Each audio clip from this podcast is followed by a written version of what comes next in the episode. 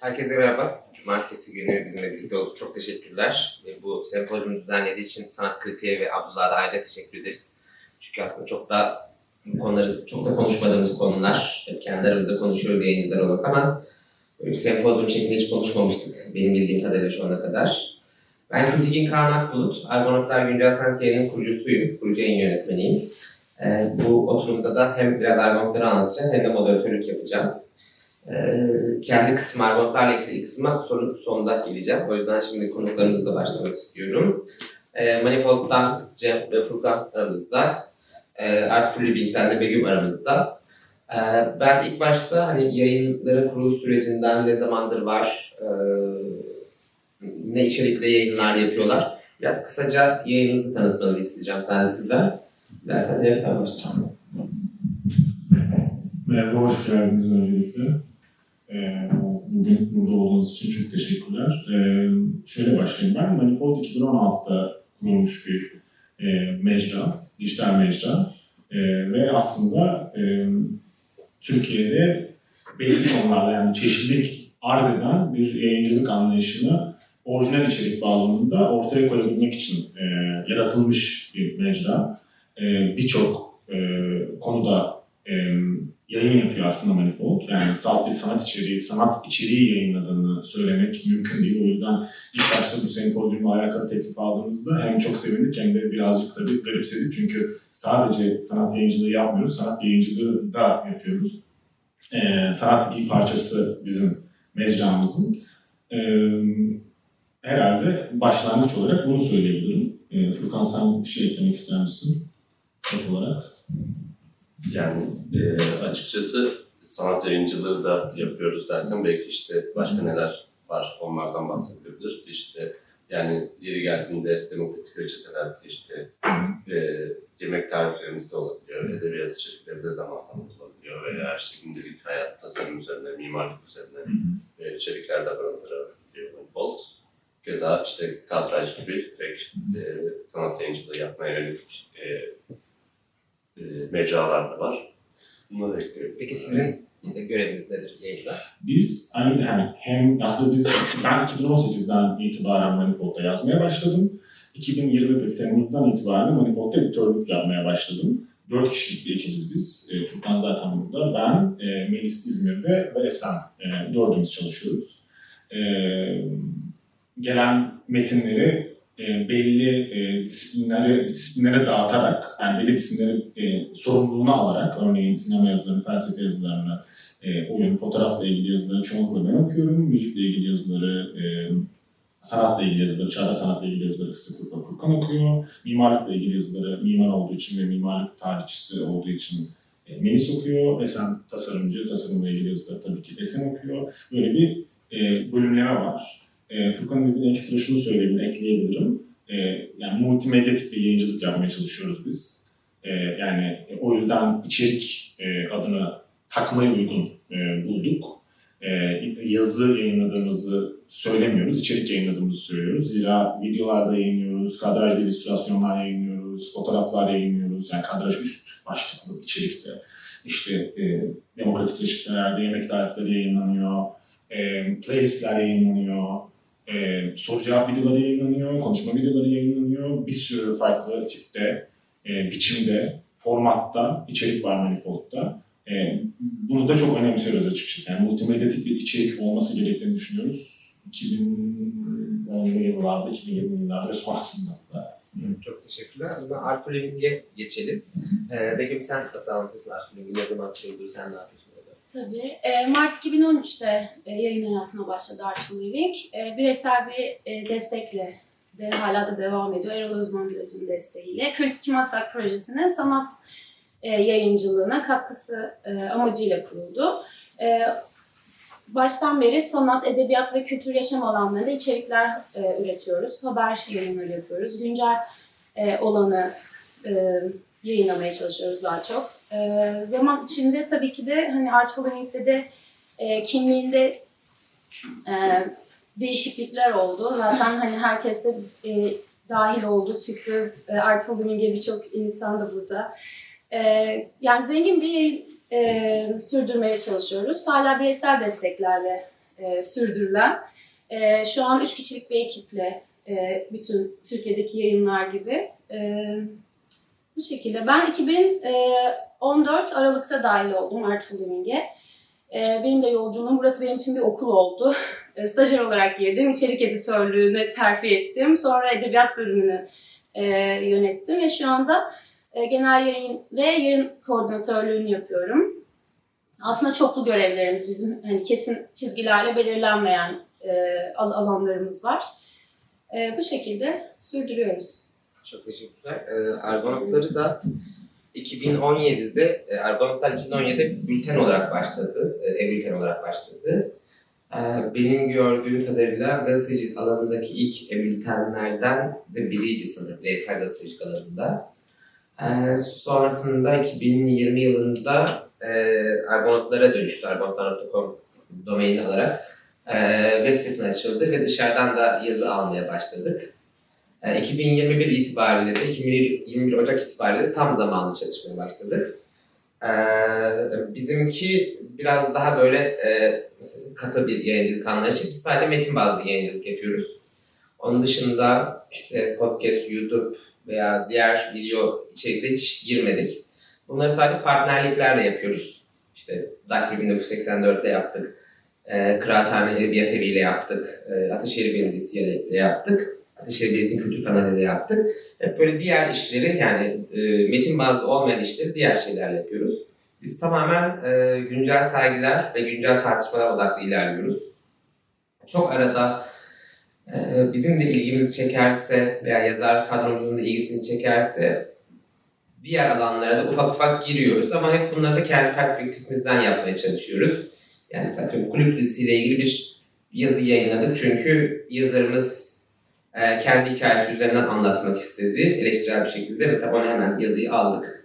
Veya işte böyle birkaç örnek daha var e, normalde hani başka biri önerse, başka biri yapsa muhtemelen hayır diyeceğim zaman yayınladığımız.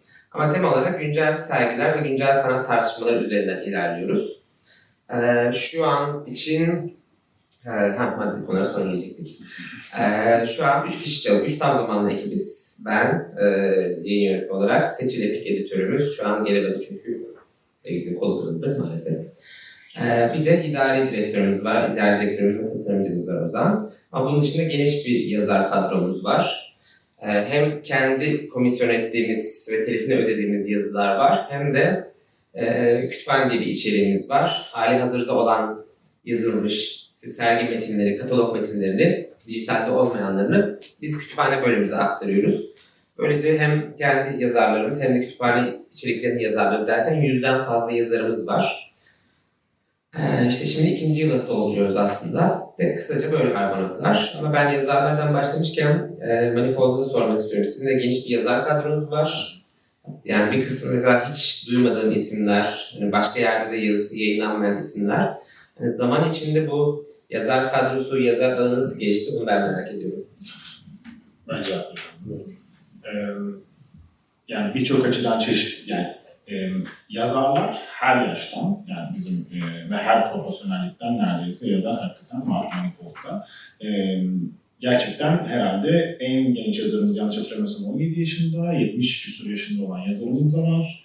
E, mimar da var, sinema teorisyeni de var, e, felsefeci de var. Daha çeviri metinler de yayınlıyoruz ayrıca. Onları da hesaba katmak lazım. Onların izinlerini alarak yayınlıyoruz her zaman. E, şöyle oluyor. E, biz editörler olarak, olarak başladığımızda iş yani ekip genişlediğinde e, herkes aslında kendi çevresini de beraberinde getirdi Manifold'a. E, örneğin yani Furkan'la ben tanışıyordum. Furkan'ın, Furkan benim aracılığımla aslında e, dahil olmuş oldu Manifold'a. Sonra Furkan kendi çevresini, kendi müzisyen çevresini dahil etti ve müzik içeriği örneğin Manifold'da genişledi. E, aynı şekilde e, ben felsefeyle ilgilendiğim için, sinemayla ilgilendiğim için e, belli yazar, yazarları teşvik ettim. E, bazen daha fazla yazmaları için, bazen yaz, yazmaları için, e, saat deneme yazmaları için. E, editörler bazında bu şekilde e, genişledi. Ama e, bazı durumlarda yani bizi nasıl keşfettiğini tabii tam çözemediğimiz insanlar da oluyor. Yani internette gerçekten e, orada bu şekilde belli bir içeriğe takılarak gelen ve bizi keşfeden ve hani gerçekten beğendiğini söyleyerek katkıda bulunmak isteyen insanlar da bizim hiçbir e, girişimimiz ol, olmaksızın. E, ama daha ziyade bizim bağlantılarımızla e, oluştuğunu ve tabii ki şu da var, e, bizim e, mecramıza dahil olan diğer yazarların e, bizim bağlantımız olan, bizim bağlantımız olan yazar, bizim bağlantılarımız olan yazarların bağlantılarına, kendi bağlantılarına hani manifoldu e, aktarmaları, iletmeleriyle de tabii ki e, genişliyor. Yazar kadrosunda yanlış hatırlamıyorsam eğer 400'ün üzerinde e, yazar var şu anda. Manifold'a katkı sağlamış olan. Bunun içinde dediğim gibi çeviri metinlerin yazarlarını da dahil ediyoruz. E, 400 üzerinde yazarımız Bunun var. içinde bir tane yazı yazmış olan da var. Tabii ki. Yani- Bir tane yazı yazmış olan da var, 60 küsur yazı yazmış olan da var. Herkesi sayıyoruz. Peki yazı sipariş süreci nasıl işliyor sizde? Yani siz mi gidiyorsunuz yazara, onlardan mı geliyor? Tam olarak nasıl yapıyorsunuz? Gönüllülük esasına dayalı esasında bize ulaşıyorlar genellikle. E, kimi yazarlar işte aylık yani her ay yazıyor oluyor. İşte kimi yazarlar e, zaman zaman işte böyle 3 ayda bir, 4 ayda bir metin gönderiyor oluyor. E, ama böyle bir commission sipariş şeklinde e, genellikle çalışmıyor rutinimiz. E, karşı taraftan bizim kişisel e, posta adreslerimize mail yoluyla gönderiyorlar ve ona göre e, yayın alıyoruz. Ama en başından biraz çerçeve belirliyorsunuz sanırım. E, ne- Yani yazarın, yazarın ne yazacağı, genel olarak hangi konuları yazacağı. Yok. Evet. Biz direkt olarak e, e, posta adreslerimiz var ve işte ne e, üzerine e, hangi konularda eğilimli olduklarımız yazıyor altında. Belli bir takım konular var. İletişim. E, işte iletişim bölümünde e, örneğin bende müzik, e, çağdaş sanat, spor vesaire yazıyor. Herkese farklı farklı konular yazıyor ve ona göre yazdık insanlar yazdıkları e, bir metni e, hangi editöre daha uygun, hangi içerik yöneticisine daha uygun olduğunu düşünüyorsa atıyorlar. Yani öncesinde herhangi bir tanışıklık olmasına veya öyle bir durum olmasına gerek yok. Ee, peki bir gün Artfullink'te e, eskisi kadar şu an dışarıdan yazar yok sanırım. Evet. Sizde nasıl işliyor, işliyor dışarıdan yazar süreci? Ee, Süreci sen de e, benim kadar biliyorsun. 2016'dan sonra aslında Türkiye'nin de e, değişen durumuyla beraber böyle şey diyorum Art, e, Artful Living'de aynı şekilde bir yol çizdi. Hem içeride hem de dışarıdan alınan yazılar ve içeride çalışan editörler sayısı azaltıldı. Telif sorunu yaşadık. Ve ondan sonra yolumuzu telifsiz yazılarla devam etmeye karar verdik. Çünkü aslında bu biraz editörlerin kararıydı. Ee, yazarların çünkü emeklerinin kıymetli olduğunu biliyoruz. Bunun için e, bir hani karşılığının olmasını istiyoruz ve hani e, sadece gönüllülük esasına dayalı bize kendileri ulaşan yazarlara e, alan açmaya karar verdik. E, daha işbirliği yazılarını ya da öne, öne çıkartmak istediğimiz yazıları içeride editörel ekiple e, devam ettiriyoruz. E, onun dışında galerilerle, yayın evleriyle e, iletişimimiz sürüyor. E, ama şöyle değil, hani bize gönderilen her yazıyı yayınlamıyoruz. E, bunun bir e, filtreden geçiyoruz. Hani re, nasıl anlatayım? E, çok övgü dolu ya da çok bireysel yazıları e, okurlarımızla buluşturmuyoruz. Genelde belli bir mesafesi olan e, esere ya da e, bir bakış açısı olan yazıları tercih ediyoruz. E, bu şekilde devam ediyoruz aslında 2016'dan beri. E, ama şu anda da e, çok hani hepsine çok teşekkür ediyorum. 30'a yakın gönüllü yazarımız var. Belli dönemlerde bize yazılarını gönderiyorlar. Belli eserler hakkında yazılar yazıyorlar. Onlarla beraber sürdürüyoruz içerik. Ama içerik o da hani e, daha çok haber ve söyleşi odaklı ilerliyorsunuz. Evet. e, aslında e, haber odaklı biraz daha ilerliyoruz. E, yazının e, kıymetini biliyoruz aslında ama biz daha e, biraz daha arşivle, e, arşiv odaklı e, giden bir yayınız. Hani bundan iki, e, 4-5 yıl öncesindeki bir habere de ulaşılabilsin ve hani bir sürekliliği olan haberler oluyor mesela bu şekilde. E, bir e, aslında hem sanat hem kültür yaşam hem de edebiyat alanında e, ciddi bir tarih oluşuyor Artful Living'de. Şu an 30 bine yakın içerik var. Haber ve e, orijinal içerikler dahil. E, ama elimizden geldiğince tabii içeriklere de devam ediyoruz. Haftada e, 4-5 orijinal içerik yayınlıyoruz yine. E, iç- yani hem yazarlar hem bizim tarafından üretilen. E, tabii.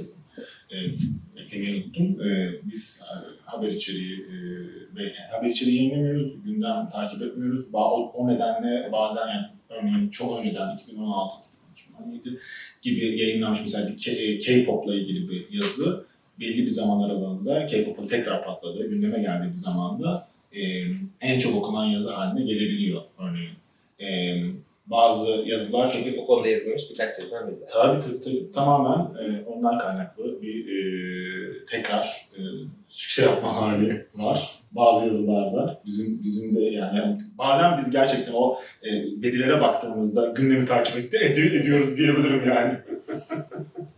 Evet yani şey e, Begim'in de dediği gibi yani biraz şey var. e, bir şeyler yapıyoruz ama tam olarak bu yaptığımızı nereye oturuyor, ne anlamı var bazen de tam kestiremiyoruz. E, ama mesela ben bir şey arıyorum mesela. Ya şu sanatçı bir şey yapmıştı zamanında bir sergi var diyor. Mesela galerinin bekçisi uçmuş ama mesela Art Living'de bulabiliyorum. Ha, tabii ona dair tek haber aslında Art Living'de diyor. Veya diyorum işte bundan kaç yıl önce demiştim K-pop haberi.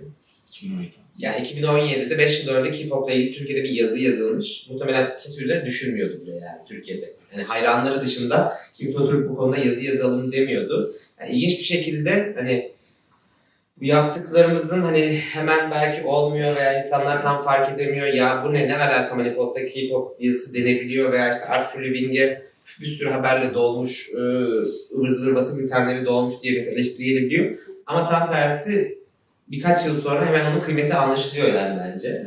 Evet, biz de Argonautlar'da e, tamamen e, yani Argonaut'ta birkaç bölüm var. Eleştiri, söyleşi, e, gündem ve kütüphane bölümü var. Bir de bülten var. E, gündem bölümü aslında biraz daha habere yakın ama orada da düz haber yapmıyoruz aslında. Gelen basın bültenlerini değerlendirmiyoruz. Onları haber yapmıyoruz. Veya uluslararası bir olayı haber yapmıyoruz. Sadece orada ilgimizi çeken konularda işte işte Documentary'nin küratörü Ruan Grup oldu. Çünkü kolektif üretimi öne çıkarmak için onun mesela detaylı haberini yapıyoruz. Veya işte bir yerde, e, burada en başta bahsetmedim, çoğunlukla queer feminist perspektiften ilerliyoruz. Yani bir yerde böyle bir e, büyük bir sanat etkinliğinin başına queer feminizmle ilgili bir çalışma yapan biri gelmiş. O mesela detaylı, en az böyle bin kelimelik bir haber şeklinde dönüştürüyoruz ama işte dün şu oldu, bilmem ne oldu işte veya işte bir skandal oldu, bir olay oldu. Çok bu haberleri görmüyoruz. Biz bunlarla ilgili sonrasında derinlemesine e, içerik nasıl üretebiliriz diye düşünüyoruz. Mesela yakın zamanda e, Eczacıbaşı Holding'in taşeronu olan bir firmanın bir maden firması işte şey işçileri, sendikal işçileri işten çıkardı. Mesela bize hemen geldiler işte bunu niye haber yapmıyorsunuz dediler. Dedim herhalde Arvotları okumuyorsunuz siz. Çünkü Arvotlar böyle haberler yapmıyor.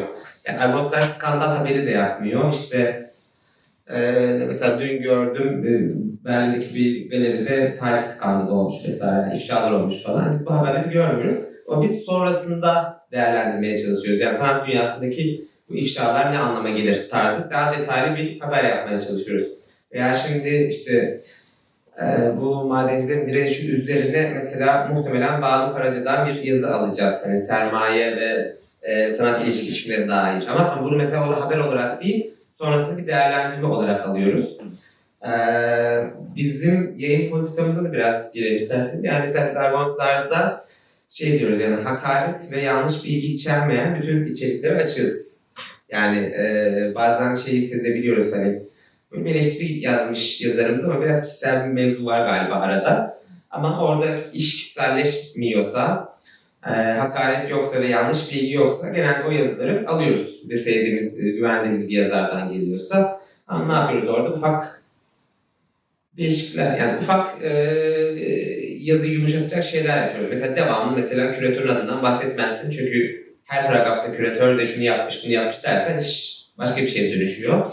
Orada mesela daha sergiye dair konuşmak gerekiyor. Bu bir açıdan da anlamlı çünkü sergi sadece küratör yapmıyor. Çünkü arkasında araştırma ekibi de var, başkaları da var vesaire. Şimdi sizin yayın politikanızda bu tarz içerikler, hani tartışmalar, polemikler nerede duruyor? Siz o yazılara nasıl bakıyorsunuz? Oradaki editoryal süreç nasıl işliyor? Nasıl kim ister?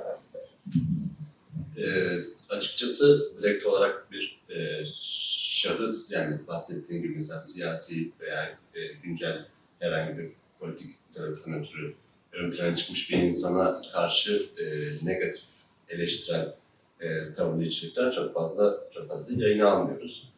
E, onun dışında e, genellikle e, birazcık e, nasıl söylesem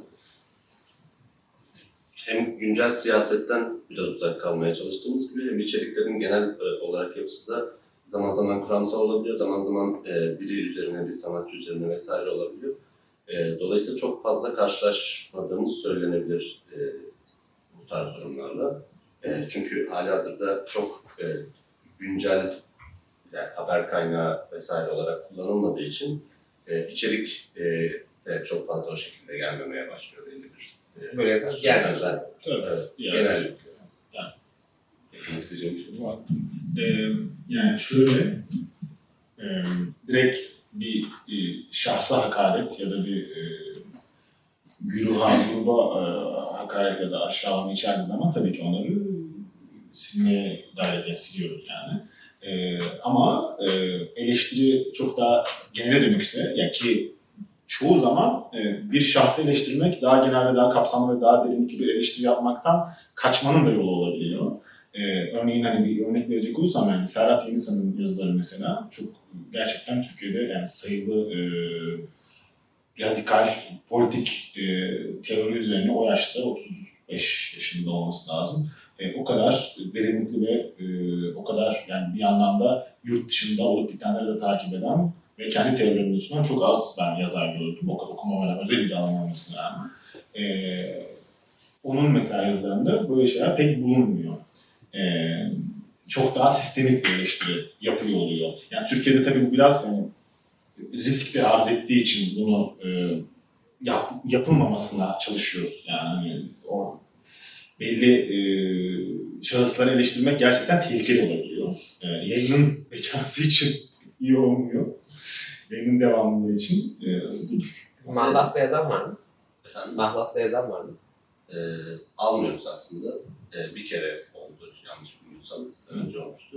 Hı. E, ama mahlaslı bir şekilde iştirakçıları yani isimleriyle ve soy isimleriyle e, konu ediniyoruz. Hı. Şey, yazar olarak gösteriyoruz. Bir de şeye ekleyebilirim mesela Serhat İnsan üzerinden gitmişken. Güncel siyasette e, ilişkili olmuyor tabii ki ama o kadar kuramsal bir metin e, okurken illaki bir yerlerde e, üzerine düşündükçe işte güncel siyasette de ilişkilendirilebiliyor veya işte zaman zaman sanatla, çağdaş sanatla vesaire de ilişkilendirilebilir vaziyette olduğu için e, direkt bir şahsı göstermektense e, metnin genel kuramsal yapısı kişinin kendisinde yani okuyucunun kendisinde belli bir takım e, güncel hayatının içerisindeki e, alanlara da entegre edebilme olanları da sanırım sağlıyor bir yandan. Büyük çerçevesi. Şimdi bunu soracaktım ama hazır bahsetmişken sorayım. Ee, iştirakçı nedir? Yani iştirakçı yazar mı, katkı koyan mı? Manifold'un içinde iştirakçı nerede? nerede? İştirakçı aslında yani bir Manifold'da bizim mecramızda katılım sağlayan herkes. Yani kesinlikle bir yazar değil. Yani illa bir yazar olması gerekmiyor. Ee, indeksimizde bir katılımcı olarak var olan e, Manifold'un bugün Manifold olmasını sağlayan herkes iştirakçı bizim yani için. Yani basitçe. O yüzden hani yazar katılımcı değil ama hani gerçekten çünkü e, bir kolektif bir çabayla oluşturulan bir şey Manifold. Herkesin gönüllü bir şekilde yaptığı, e, üretimine ve büyümesine, yayılmasına katkı sağladığı bir şey. E, ama bir yandan dij- dijital bir şey, iştirakçı kelime kavramını o yüzden en uygun bulduk. Ee, peki sana da biraz o zaman sorayım. Artful Living'de aslında çok e, güncel siyaset veya polemik içerikleri çok fazla yok. Dediğim daha çok haber üzerinden ilerliyorsunuz. Size mesela bu tarz içerikler geliyor mu? Siz ne yapıyorsunuz? Evet, e, özellikle röportajlar konusunda e, bu bazen sıkıntı yaratabiliyor. Çünkü röportajı e, veren kişi hani e, tabii ki de düşüncelerini özgürce ifade etsin istiyoruz ama e, bir herhangi bir gruba e, saldır, saldıran ya da e, sinkaflı e, kelimeler kullanan e, c- içerikleri birazcık e, sansürlüyoruz. Çünkü e, bu hani hem bizim yayın politikamıza aykırı oluyor. Daha çok kapsayıcı, görünürlüğe önem veren e, bir yayın olmayı önemsiyoruz. E, bu sebeple e, şöyle ki aslında özgür yazarlarımız da. Hani röportajı verenler de yazarlarımız da özgür. Çok da e, hani tabii ki de güncel siyasete dokunmak bazen hepimizi e, zorlasa da Peki, teşekkürler. Biraz da maddi meselelere girelim. Ee, Manifold eserik çabalarıyla kuruldu, hayata geçti. Ama şu anda nasıl işliyor? Ee, hep gönüllü olduğundan bahsettin mesela yazarların. Editör kadrosu, e, yazar kadrosu bu hani kendini sürdürebilir bir yayın mı? Nasıl dönüyor? Biraz da ondan anlatırsanız. Ee, açıkçası en başta da söylediğim gibi iştirakçılar hep, bütün iştirakçılar gönüllülük esasına dayalı bir şekilde katılım gösteriyor. Keza biz de aynı şekilde e, editörlük içerik yöneticiliği yapıyoruz. E, keza bunun arkasında e, bütün metinlerin düzeltilerini geçen Nihal de inanılmaz cüzi bir meblağla bu işi sürdürüyor. E, ne kadar sürdürülebilir olduğu konusunda e, yani ekonomik bağlamda söylüyorum. E, biraz şüpheler oluşabiliyor tabii ki zaman zaman. Çünkü herkes bir yandan da bir şekilde e, başka bir şeyler yaparak hayatını sürdürmek zorunda kalabiliyor. E, dolayısıyla böyle manifold'a dair bu böyle bir aidiyet duygusu olmasa veya böyle bir tutku olmasa vesaire e, sürdürülebilir olabileceğinden şüpheli olurdum ama işte hem editoryal ekip hem arkasında çalışan Nihal Boztekin Hakan Bilici e, gerçekten e, keza bu arada iştirakçılar e, bu gönüllülük esasına dayalı olan katılımı gerçekten tutkuyla yapıyor gibi geliyor bana. Çünkü sürekli olarak iştirakçı geliyor ve sürekli olarak metinleri okuyoruz. Ve bir yandan da ama işte çalışmamız gerekiyor veya başka bir şeyler yapmamız gerekiyor vesaire. Ama en başından böyle değildi sanırım. En başında daha En başında profesyonel ya da yarı profesyonel mi ilerliyordu? Belki sen bunu anlatmak ister sonrasında. Ee, Artful Living'de peki nasıl işliyor? Sizin yazarların gönüllü olduğundan bahsetmiştim ama ekip tam kadro çalışıyor. Evet, ekip içeride e, üç kişi olarak çalışıyoruz. Bir sosyal medya editörümüz, ben ve e, bir içerik editörümüz var.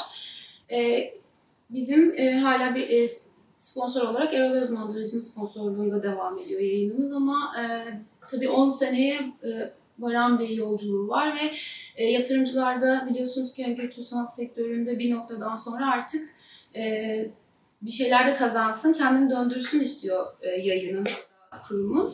E, biz de bu noktada aslında içeride reklam alımsı, yani, e, alımı da yapıyoruz. E, içerik anlaşmaları yapıyoruz. E, banner e, içe, banner e, satın almalarını yapıyoruz. Aslında o süreci de biz yönetiyoruz. E, bu şekilde e, ufak ufak e, e, yani katkı sağlıyoruz aslında Peki editörler olarak. gelir, yani reklam olarak hem bannerlar var bir de editorial'lar var. Evet. sanırım. İki model mi var? Evet, hem haber çalışmaları yapıyoruz. Ee, bunu tabii ki de hani direkt olarak e, markayı öne çıkartan değil, daha native, hani içine ye- yedirerek yaptığımız içerikler oluyor. Ya da direkt olarak banner yayını yapıyoruz. Ya da sosyal medya aslında e, artık markaların en çok ya da kurumların en çok istediği şey. Sosyal medyada görünür olmak. Sosyal medya anlaşmaları yapıyoruz. Ya da bir alanda bulunuyoruz. Oradan paylaşım yapıyoruz. Bu şekilde. Peki mesela ticari sır değilse şey sormak istiyorum. Mesela gelirinizin yani daha giderinizin yüzde kaçı reklamlardan ve sizin kazançlarından karşılanıyor, yüzde kaçı bireysel destekle karşılanıyor? Buna dair bilgin var mı? Ee, aslında bir, e, yarı yarıya gibi. Evet.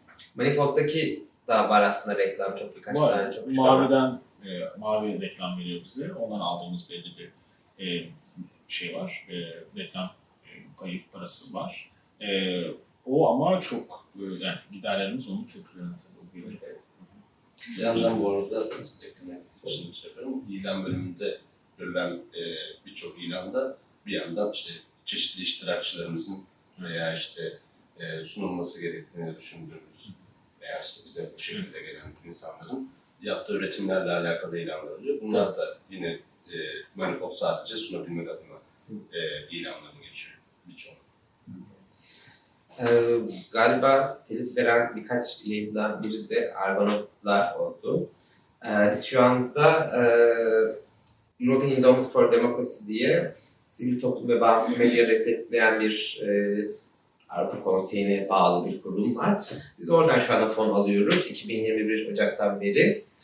Ee, bu fon neden veriliyor? Yani adından anlaşılan gibi yani European Endowment for Democracy. Ee, ve normalde yani Türkiye'de de bağımsız yayıncılığı çok gelişti, çok destek veren bir yer.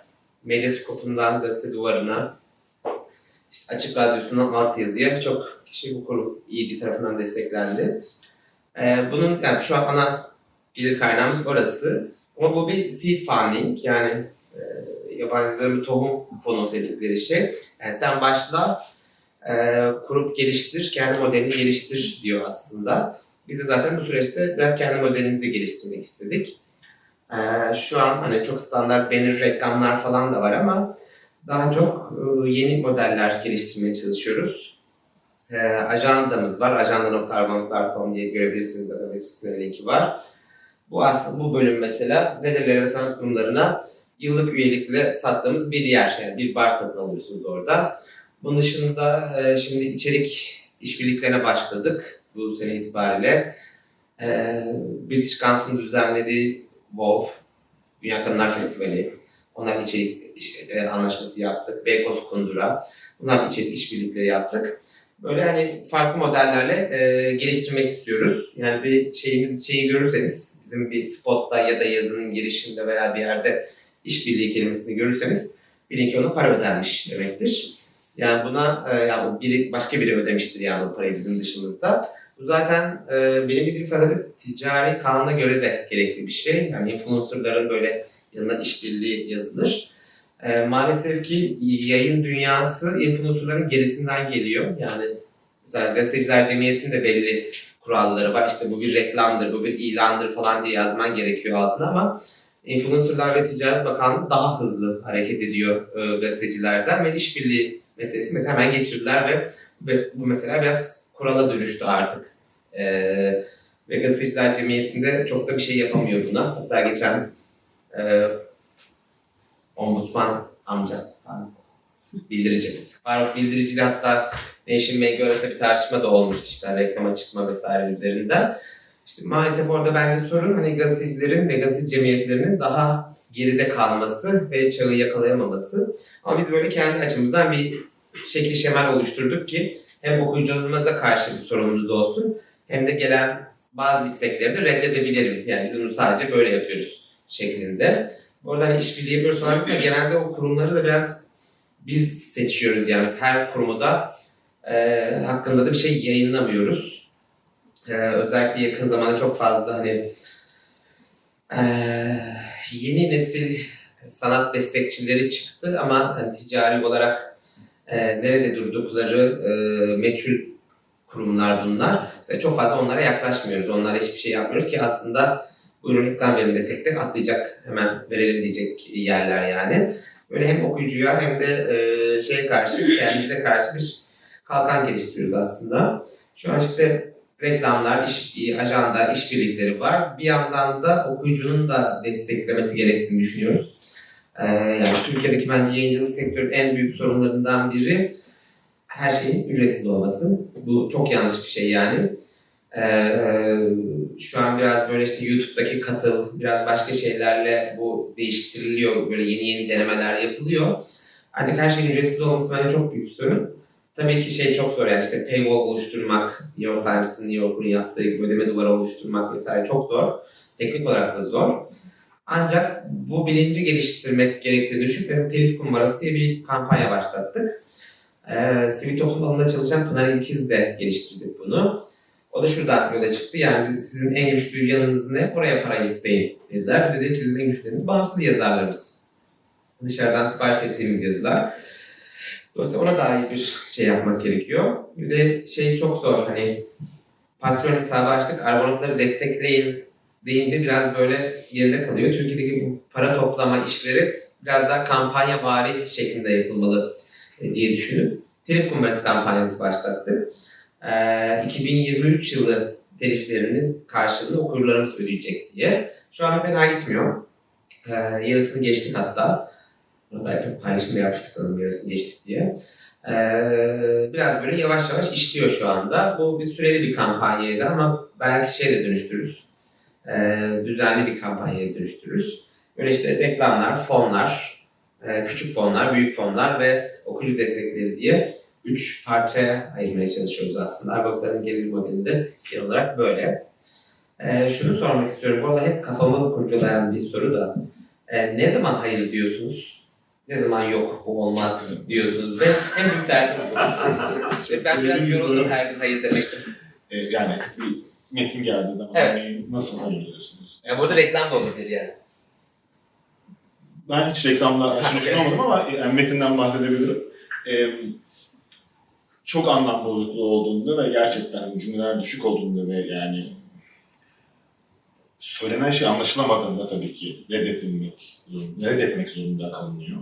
E, bunu olabilecek en nazik şekilde yapıyoruz. E, tekrar e, yani metin revize edilmesi halinde. Onlar da nazik olduğunu düşünüyorlar. Bence bana hiç şu ana kadar kötü bir şey olmadı. şu ana kadar kafasını kimse demedi. Ee, hmm, bu bir kriter. Ee, onun haricinde çok ne diyeyim ee, işte az önce bahsettiğimiz gibi e, fazlasıyla güncel siyaset üzerinde eleştiren ve şahıslar üzerinde eleştiren yazılar gelmesi halinde reddediliyor. Ama daha çok yapısal nedenlerle oluyor. Ee, yani üzerinde çalışılarak e, tabiri caizse kurtarılamayacak, kurtarılamayacak yazılar reddedilmek zorunda kalınıyor. Manifold'un e, içerik e, skalasında yer almaması gerektiğini düşündüğümüz tipte yazılar mesela reddedilebiliyor. Nedir onlar? Örneğin edebiyat eleştirisini yani yayınladık, daha önce yayınladık ama e, yani bir yazarın mesela beş tane yayınlamasına izin vermiyoruz. Yani e, Manifold'da e, edebiyat eleştirisi içeriği mesela çok yoktur. Yani belli kategorileri yani Salt bizim yayın e, e, yayın politikamız demeyeyim, anlayışımız da demeyeyim ama yani yayın kategorilerimizin içerisine girmediği için reddedebiliyoruz.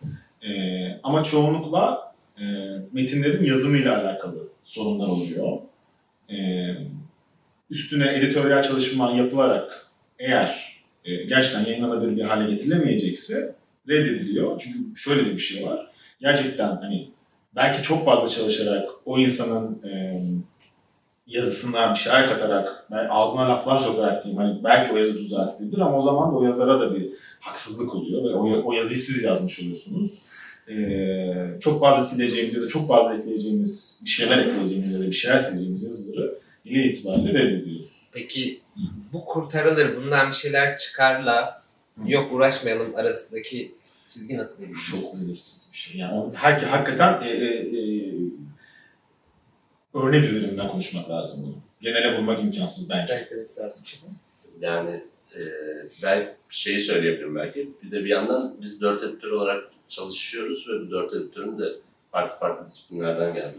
Dört editör olması dolayısıyla e, kişiden kişiye de değişebiliyor zaman zaman belli e, yayın politikaları. Tabii ki genel manifoldun bir yayın politikası dördümüz sürekli olarak oturup işte iki haftada bir vesaire toplantımızı yapıyoruz. E, belli kararları alabiliyoruz vesaire. Ama herkesin de kendi özgür bir alanı olmuş oluyor bu dört editörde.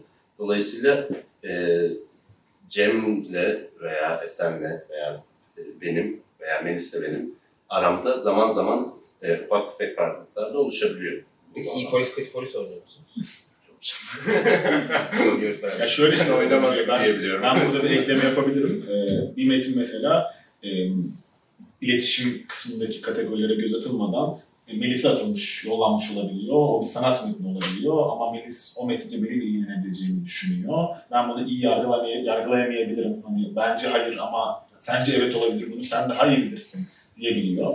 Ee, öyle benim yayınladığım metin oldu. Yani gerçekten Melis'in hayır demek istediği fakat benim için evet olan, benim için yayınlanabilir olan metinler de oldu. Yani bazen hakikaten e, e, iştirakçıların, iştirakçı adaylarının e, salt, e, tırnak içinde yanlış editöre metin atmalarıyla da eminim reddedilmiş yazılar vardır diye düşünüyorum. Yani çok olmadı. Mesela bana hiç mimarlık yazısı gelmedi. Çok açık mimarlıkla kim ilgilendiği. Ama sanat yazısının mesela e, Melis'e yollandı çok olmuştur. Melis'ten bana geldiği oldu. En az iki, iki kez kesinlikle oldu mesela. Yani. Şimdi hani aslında teknik olarak üçümüz, yani dördümüz, üç. Üçümüz de e, niş yayınız. Ancak Manifold biraz daha e, viral olabiliyor mesela belli dönemlerde, belli yazılarda ve Hani yazı yayınlayacak çok da fazla mecra olmadığı için muhtemelen size yığınla yazı geliyordur. Evet. Yüzde kaçını yayınlayabiliyorsunuz mesela gelenlerin? Ee, ben neredeyse yüzde yüzünü yayınladığımı söyleyeyim. Yani reddettiğim çok fazla yazı olmadı bu zamana kadar. Çok zaten en azından benim editörlük deneyimimde bir şekilde bir bir hatta yazmaya, bir belli bir e, tutarlılıkla yazmaya devam eden herkese çok açık oldum ve çok destekleyici oldum ve yani yazmaya devam etti. Çok Atıyorum mesela şiir geliyor mu size?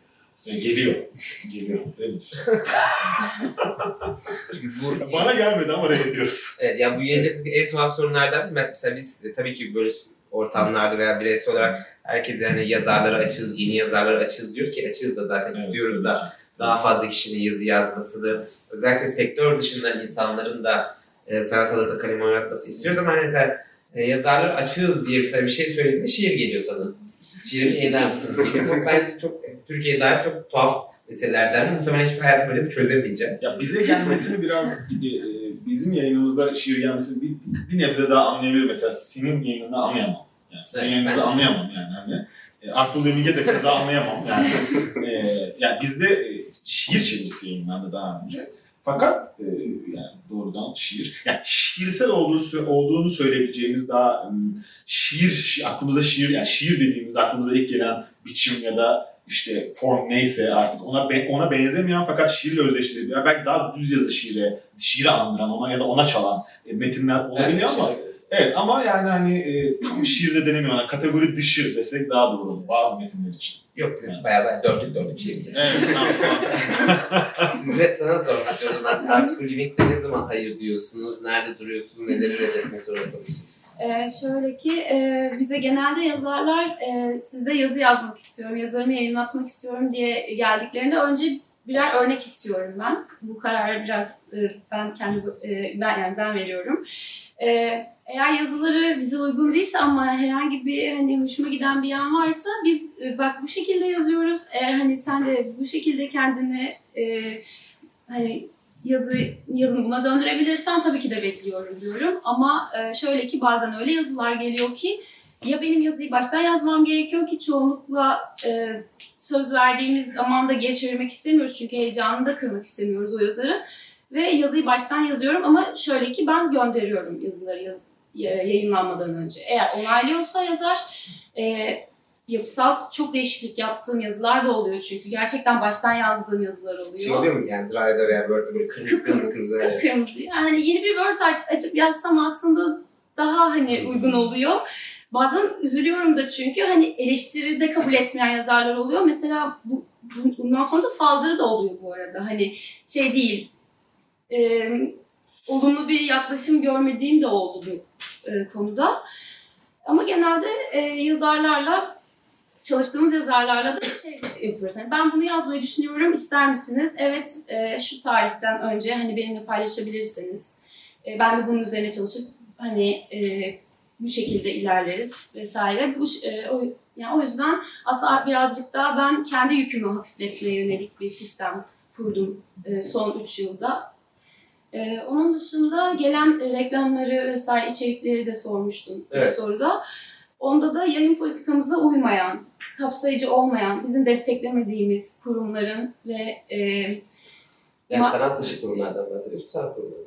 e, sanat kurumları da olabiliyor bunlar. E, yani bizi de, bizim içerik olarak desteklemediğimiz içerikleri kapsıyorsa eğer gelen metin ya da gelen reklam biz bunları da reddetme özgürlüğümüz var.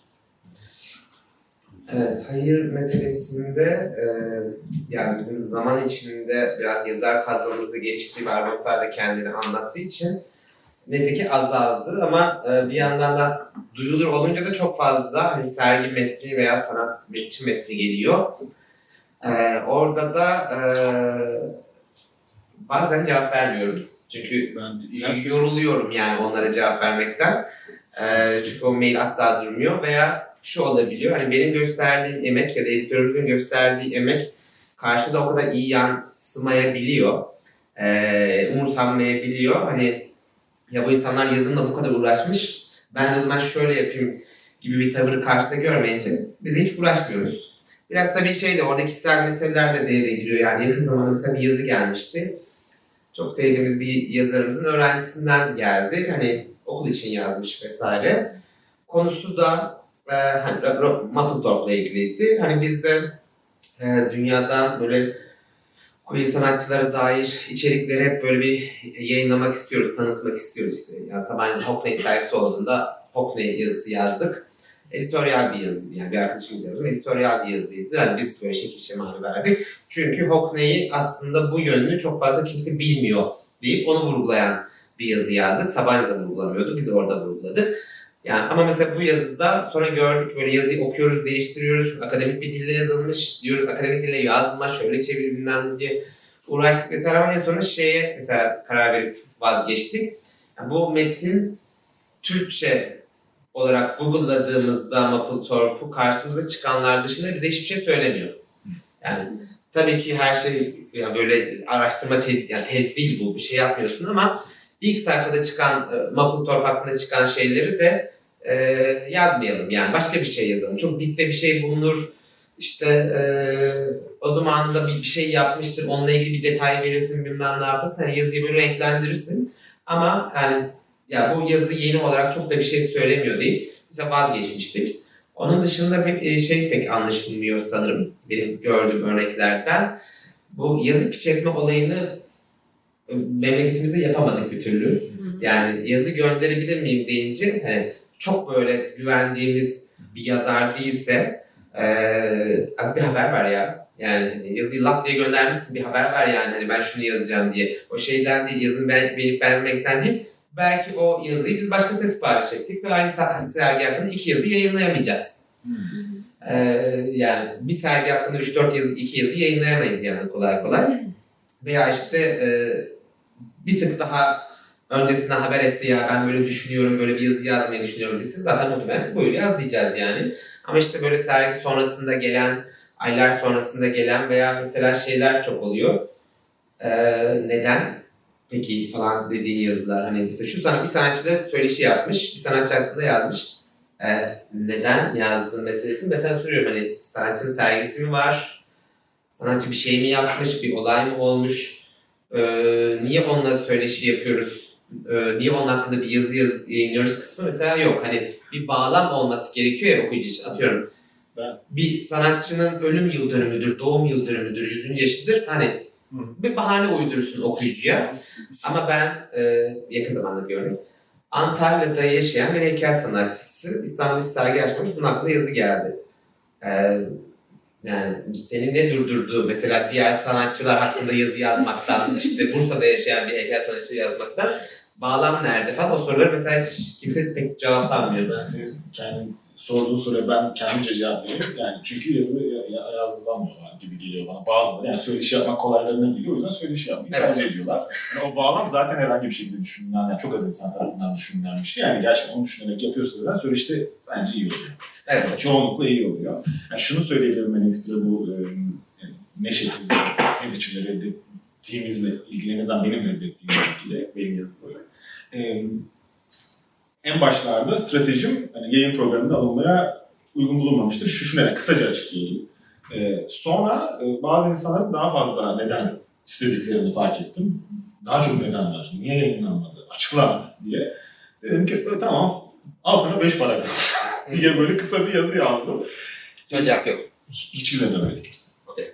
Evet yani hani e, çok sistematik bir şekilde bir şeyin neden iyi, iyi demeyeyim de uygun olmadığını belli bir bağlamda. Bazen gerçekten salt e, yapısal nedenlerle iyi olmadığını salt iyi Kitabın şey, e, yazının metnin e, yani imlaları bozuk, anlam bozuklukları var, düşük cümleler var. Gerçekten özne yüklem bozuklukları her şey yani her şey neredeyse bozuk. Onları zaten açıklıyorsunuz çok net bir şekilde. E, onun haricinde neden Manifold'da yayınlanma, yayınlanmaması gerektiğini ekstra açıklıyorsunuz. Neden belki o an yayınlanmaması gerektiğini açıklamanız gerekebiliyor e, falan filan bir sürü neden olabiliyor. Bir yazının yayınlanmasının tek bir nedeni olmuyor. Yani en baskın neden kesinlikle e, yazılamamış olması oluyor hakikaten. Yani yazarın e, e, ya da sözde yazarın yazmayı bilmemesinden kaynaklı bir şey oluyor. Ben şunu, şunu gördüm. şunu gördüm. E,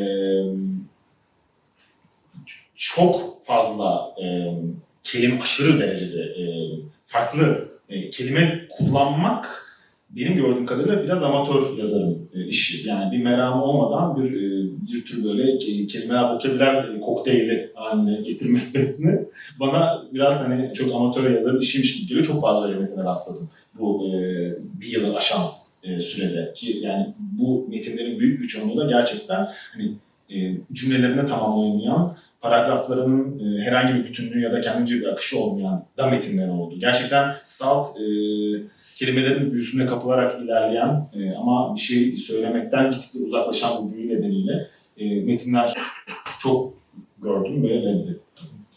Bir de hani manifold deneysel şeylere daha açık bir alan aslında. Ee, ama e, şeyi mesela gör, görmemek, yani bunu ırkla karşılaşmak tuhaf.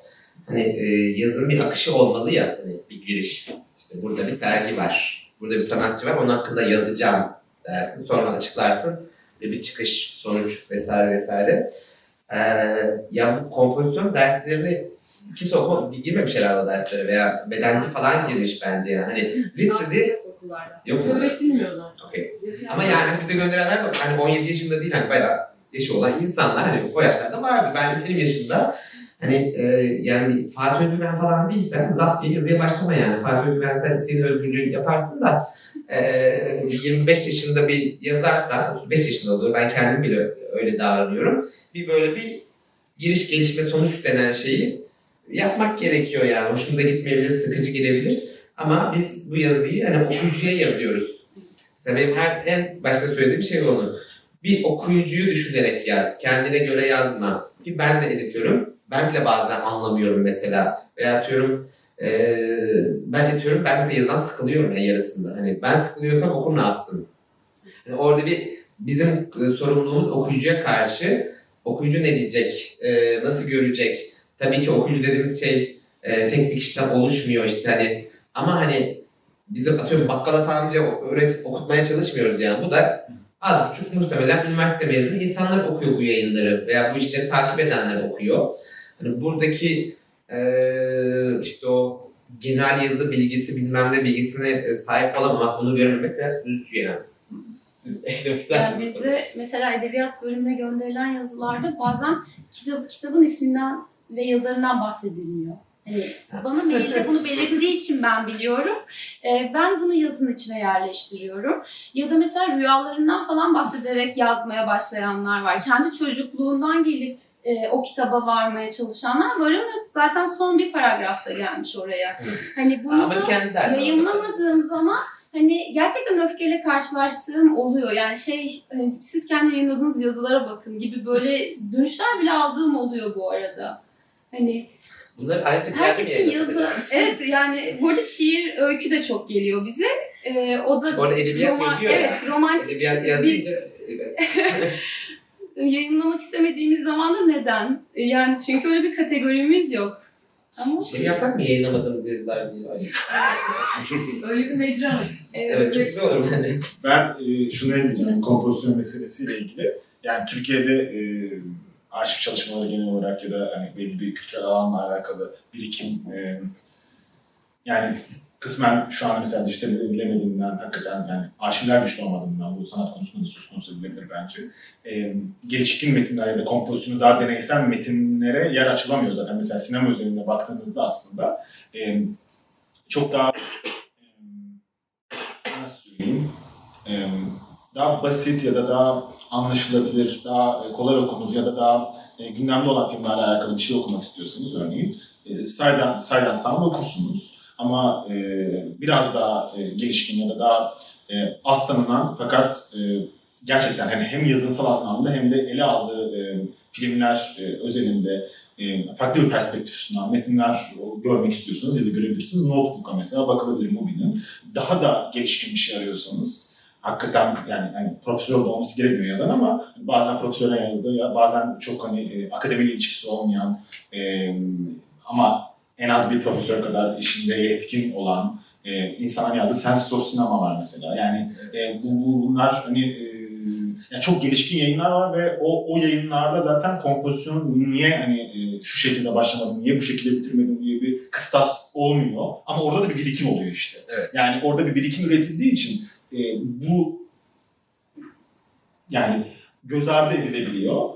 Ben bunun bununla ilgili olduğunu düşünüyorum. Yoksa hani metinleri yoksa çok sıkıcı olurdu. Herkes aynı şekilde yazardı. Evet. Ve evet yani sadece e, çünkü metne belli bir şekilde başlayınca, belli bir üslupla başlayınca onu başka bir e, raya sokmak, yola itmek de e, zor oluyor. Gerçekten bir sesiniz oluyor. Mesela senin söylediğin gibi başladığında bir metin hakikaten e, çok e, bilgilendirici, betimleyici, informatik olabiliyor. E, ve e, ya tabii ki derinlikli bir analiz olabilir o tip, metin, o tip bir metinde de e, e, hakikaten başka tipte metinler arayan insanlar mesela e, öyle başlayan bir metni okumak mesela ben hani bu yazıda şunu yapacağım diyen bir metni okumuyorum ben. Evet. Yani bu yazıda Yap. yani yap. bu yazıda ne yapacaksan yap. Yani, hani dolayısıyla e, evet yani ben yani daha yurt dışında takip etmeyi kendi ilgilendiğim şeyler üzerinde tercih ediyorum. Tabii ki de burada da çok iyi yazan insanlar var. Yani Fatih Özgürmen mesela çok gerçekten iyi yani. Hani var mı? Evet. Ee, yavaş yavaş sizden de sorular alacağız ama son e, soru e, yani çoğumuzun aslında böyle bir e, tık merakı yok ama ne kadar takipçiniz var, ne kadar tıklanıyor yazılar, ne kadar okunuyor o konuda kısaca bilgi verir misiniz? Başlıyor. O değişkenlik gösteriyor zaman zaman ve e, içerikten içeriye de değişkenlik gösterebiliyor. Mesela korona zamanı patlamıştır birazcık. Herkes eve girdi vesaire. E, yaz dönemlerinde görece azalabiliyor. Yani e, toplumun genel olarak aksiyon Evet. aldığı dönemlere göre değişkenlik gösterebiliyor bu açıkçası. Ve e, mesela ilk metni ise bir yazarın ve yeni bir yazarsa, önceden e, başka yerlerde metinleri yoksa görece daha düşük olabiliyor ama çok düzenli yazan kendi okuyucu kitlesine olmuş. Mesela örneğin Cem'in bir okuyucu kitlesi bayağı var. Ve dolayısıyla e, okuma oranları daha yüksek olabiliyor buna bağlantılı olarak. Siz e, Düzenli yazmak okuyucuyu e, yani gerçekten kemik bir okuyucu yani kitle oluşturmak için çok önemli bir faktör. E, evet. Yani biz- dağıtım için hangi mecraları kullanıyorsun? Newsletter'ınız var, Twitter var, Twitter var. Instagram var Instagram farklı. öyle yani metinleri yaymak için kullanmıyoruz onu. Tumblr'ı da o şekilde kullanıyoruz. Facebook'u ve Twitter'ı kullanıyoruz baskın olarak, başat olarak. Aynen. Daha çok böyle sosyal mecraları, sosyal medya mecralarını e, mecranın uyumluluğunu birazcık düşünerek mesela e, Instagram görsel paylaşım adına genellikle kullanılması dolayısıyla örneğin biz daha çok e, iştirakçılarımızın e, fotoğraflarını, e, portrelerini, işte e, bir kitabımız çıktığında onun e, görselini vesaire Ya da özel bir günse. Aynen. Manifolda da aynı şey. O şekilde kullanıyoruz genellikle sosyal medya. Sizin nasıl artık birlikte okunma sayıları, tıklama sayıları ve hangi sosyal medya kanalı? Biz e, Instagram e, yoğunlukla, Twitter ve Facebook kullanıyoruz. E, aylık 500 bine yakın okurumuz var aslında. E, ziyaretçimiz var daha doğrusu. E, ama daha çok e, Instagram üzerinden ilerliyoruz. Çünkü aslında Artful Living hani %50, görsel %50 yazı olan bir site olarak hani zaten hep e, öne çıktı. E, o açıdan da bize daha çok e, o kanal hizmet ediyor. E, Instagram'da da evet. Yani daha çok takip etkileşimimizi oradan buluyoruz. Evet. Bizim en çok etkileşimli aldığımız mecra Twitter. Tamam böyle bir giriş yapmış. Aslında Manifold Twitter'a çok da uygun bir yayın mı emin değilim mesela. Yani Twitter çok daha Tabii. politikanın ve anlık reflekslerin olduğu bir yer. Hani Manifold'un mesela orada olması bence güzel bir şey. Yani iyi bir başarı. Mesela biz Twitter'da mesela o kadar aktif değiliz. Ki aslında politik içerikler yayınlamamıza rağmen Twitter güncel politikayı istediği için, Tabii. anlık politika cevabı istediği için mesela Twitter'da o kadar etkili değiliz. Normalde ben de aslında çok meraklısı olmama rağmen aslında Instagram'a kaymak zorunda kaldım. Çünkü asıl etkileşim orada mesela bizim. Hani Instagram'a bülten üzerinden şu an yoğunluklu olarak çalışıyoruz. Diğer kanalları biraz böyle orada da olsun, orada da bir şeyler olsun, boş kalmasın falan filan diye yapıyoruz. Ya da işte LinkedIn'de e, sadece işbirliklerini duyuruyoruz. Hani yazıyı duyurmuyoruz veya hani çok genel içerikleri işte yılın öne çıkan sergileri vesaire gibi daha jenerik herkesin okuyabileceği içerikleri biraz giriyoruz. Onun dışında Instagram ve LinkedIn üzerinden ilerliyoruz. Ee, bir saati doldurduk. Ee, sorunuz, e, eklemek istedikleriniz, e, yayınlanmasını istediğiniz bir yazınız varsa e,